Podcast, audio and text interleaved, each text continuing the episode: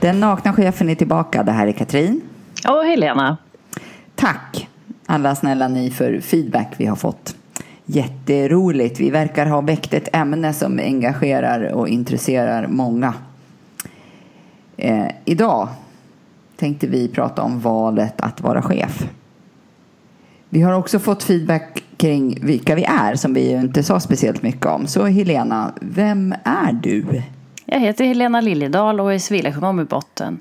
Och nästan direkt när jag började jobba så blev jag försäljningschef. Och sen har jag varit försäljningschef, marknadschef och sista tio åren VD på en del olika företag. Främst små och medelstora företag. Men den här erfarenheten gjorde att jag var så intresserad av det mänskliga spelet kan man säga på arbetsplatsen. Så jag har utbildat först mig själv ganska mycket i gott personlig utveckling. Och sen har jag utbildat mig till coach och mindfulnessinstruktör också. Varför blev du chef från första början? Det känns inte som det var ett val, utan att det bara blev så nästan. Någon såg något, jag drev saker, fick resultat och entusiasmerade folk tror jag. Det har liksom kommit ur en egen entusiasm.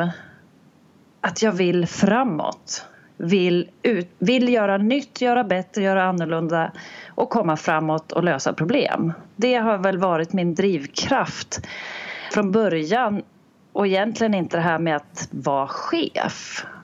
Men eh, när jag sen fick frågan om jag ville bli VD eller komma upp på högsta nivå i något av företagen så var det självklart så att man måste reflektera lite grann över varför eller varför inte och vad innebär det? Vad såg du då? då? Ja, då kunde jag se att ja, men det finns någonting i chefskapet som gör att man får mer handlingsutrymme och mer frihet. Man kan få testa lite egna idéer, lite mer så upplevde jag det som. Visst att det är också större behov av kontroll, det är större behov av att rapportera saker och ting till styrelserna och så vidare men ändå så gav det där ett spelutrymme som jag inte hade när man inte var chef. Mm.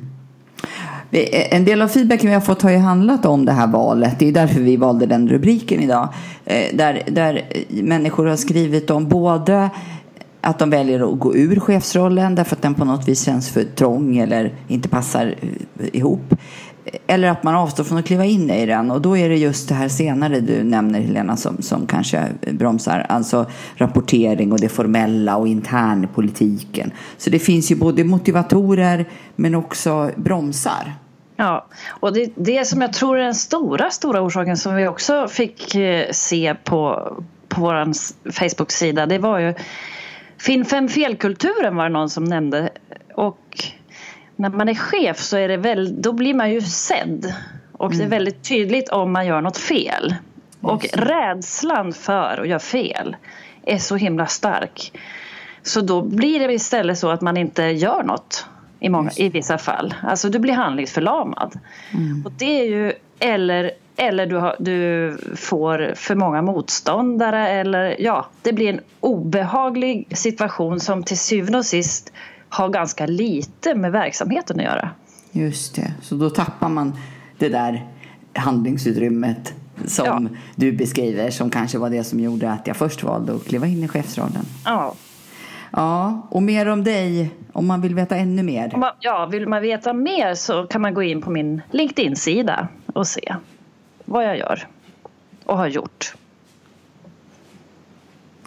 Och du då Katrin? Ja. Vad var det som motiverade dig att bli chef? Ja, jag, är ju, jag är civilingenjör med lite grann av samma story som, som du beskriver Helena. Jag, jag har varit chef eh, och ledare i många år i alla, ganska många olika positioner och olika typer av organisationer. Och mer om mig finns också på LinkedIn om det skulle vara intressant. Och varför?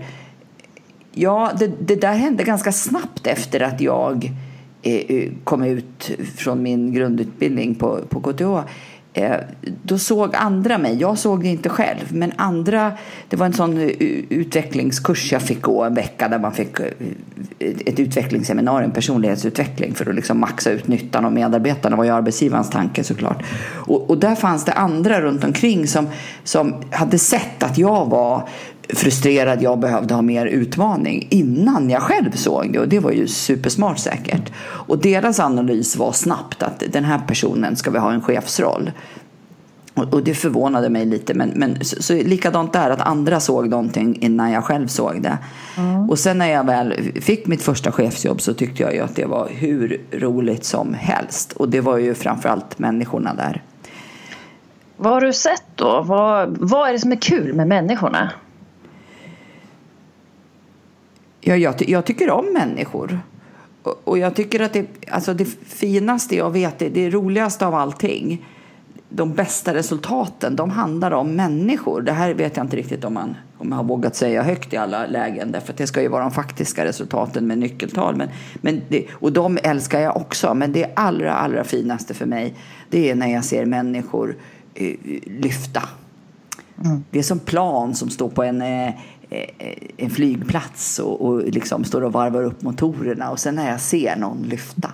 Det är så vackert. Och det händer ju när människor får syn på sig själva och, och ser att wow, jag kanske kan det här också och kommer förbi de där hindren och rädslorna som du snackar om. Och, och när jag får hjälpa till med det, det, det är det finaste jag kan tänka mig. Men det visar ju också en utmärkelse som du har fått Katrin. Kan du inte berätta lite vad det är för någonting? Ja, jag fick eh, ett pris i januari. Årets offentliga chef heter det. Det är ett pris som finns för att uppmärksamma ledarskap i offentlig sektor. Eh, och det var, man nomineras för sina medarbetare och sen delas priset ut under väldigt festliga och omtumlande förhållanden på en galamiddag. Och i samband med det så fick ju jag väldigt många frågor om varför och vad, jag, vad har jag gjort som är bra och varför är jag chef och så här. Och då fick jag verkligen tillfälle att tänka efter och sätta ord på de här grejerna. Och det, jag tror faktiskt inte att jag hade gjort det så tydligt för mig innan. Och det var ganska obekvämt också. För då kom jag i rampljuset på ett sätt som jag kanske inte var van med utan det brukar resultaten och andra vara i högre grad. Men då kom jag fram till just det där, jag tror på människor. Mm. Det var också spännande därför att den där genansen jag kände redan när jag blev nominerad till det här priset, jag var då en av åtta nominerade och så var det så i ett par månader lite drygt innan själva priset delades ut. Att jag hade, jag såg att jag under lång tid hade tänkt att jag behöver göra någonting annorlunda. Alla de här tipsen jag har fått från andra, att du måste vara tuffare, du måste vara mer business, vad det nu är. Du, må, du kan inte känna så mycket, du kan inte bära med dig dina medarbetare hem. Ja, jag, hade, jag gick omkring med en inre självkritik mot mitt eget ledarskap. Och när, det här, när jag fick det här priset, då, då tänkte jag nu använder jag det här för att ta ett beslut som i princip går ut på jag duger. Alltså, nu, då tänkte jag så här, nästa år fyller jag 50 år. Jag har varit chef i 20 år och jag får det här priset. Kanske det är så att mitt ledarskap faktiskt är bra som det är. Jag behöver inte tänka på de där rösterna jag har i huvudet från förr som säger att jag ska göra någonting på ett tuffare och, och hårdare och annorlunda sätt. Tänk om det är så att jag kan göra mina medarbetare och deras eh, arbetsdagar lite bättre. Tänk om jag kan höja det bara lite, lite, lite grann. Det behöver inte, det behöver inte vara mycket, det behöver bara vara lite.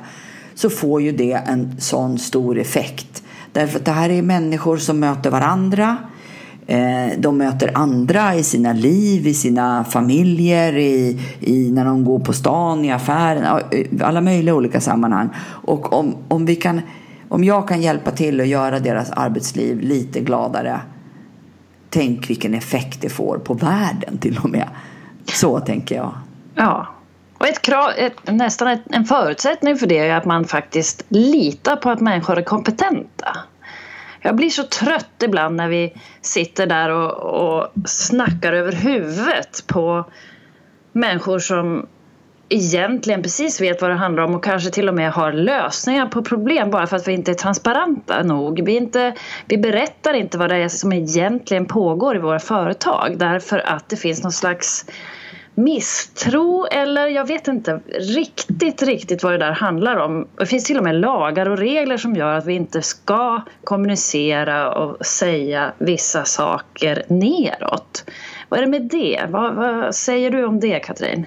Ja, alltså hur många gånger har jag suttit i rum med ett gäng chefer och kommunikationsstrateger kanske i alla möjliga olika organisationer där jag har varit och vi har ägnat mycket tid åt och, och fundera på hur ska vi kommunicera ut detta. Särskilt då när det gäller lite tuffare grejer, förändringar eller, eh, eller tuffa budskap av något slag. Och, och så någonstans där, mitt i allt det där snacket, så slår det mig. Varför gör vi det här? De vet ju redan. Och vi styr inte över informations och kommunikationsprocesser så mycket som vi faktiskt inbillar oss ibland. Det finns, det finns en sak tror jag som är, är det viktigaste uppdraget av alla för, för chefen. Det är inte heller någonting man gör själv, men det är någonting som chefen verkligen behöver bära, det, en story. Och det, det, det är mening och sammanhang. Jag, jag var på en föreläsning, det, det är ganska länge sedan nu, över tio år sedan. Det var en läkare som pratade om utbrändhet. Och vi som lyssnade var chefer, ganska många, 70 personer i rummet. Och det var en briljant föreläsning. Jag lärde mig massor om utbrändhet såklart. Men, men det viktigaste och det som jag tog med mig det var att den här läkaren hela tiden återkom till oss och sa ni ska ge era medarbetare sammanhang. Ert viktigaste uppdrag är att ge era medarbetare sammanhang. För att skapa friska arbetsplatser så behöver människor mening och sammanhang, mening och sammanhang. Som ett mantra det där ekar fortfarande i huvudet på mig. Och det tror jag verkligen är mitt viktigaste jobb. Att skapa mening och sammanhang.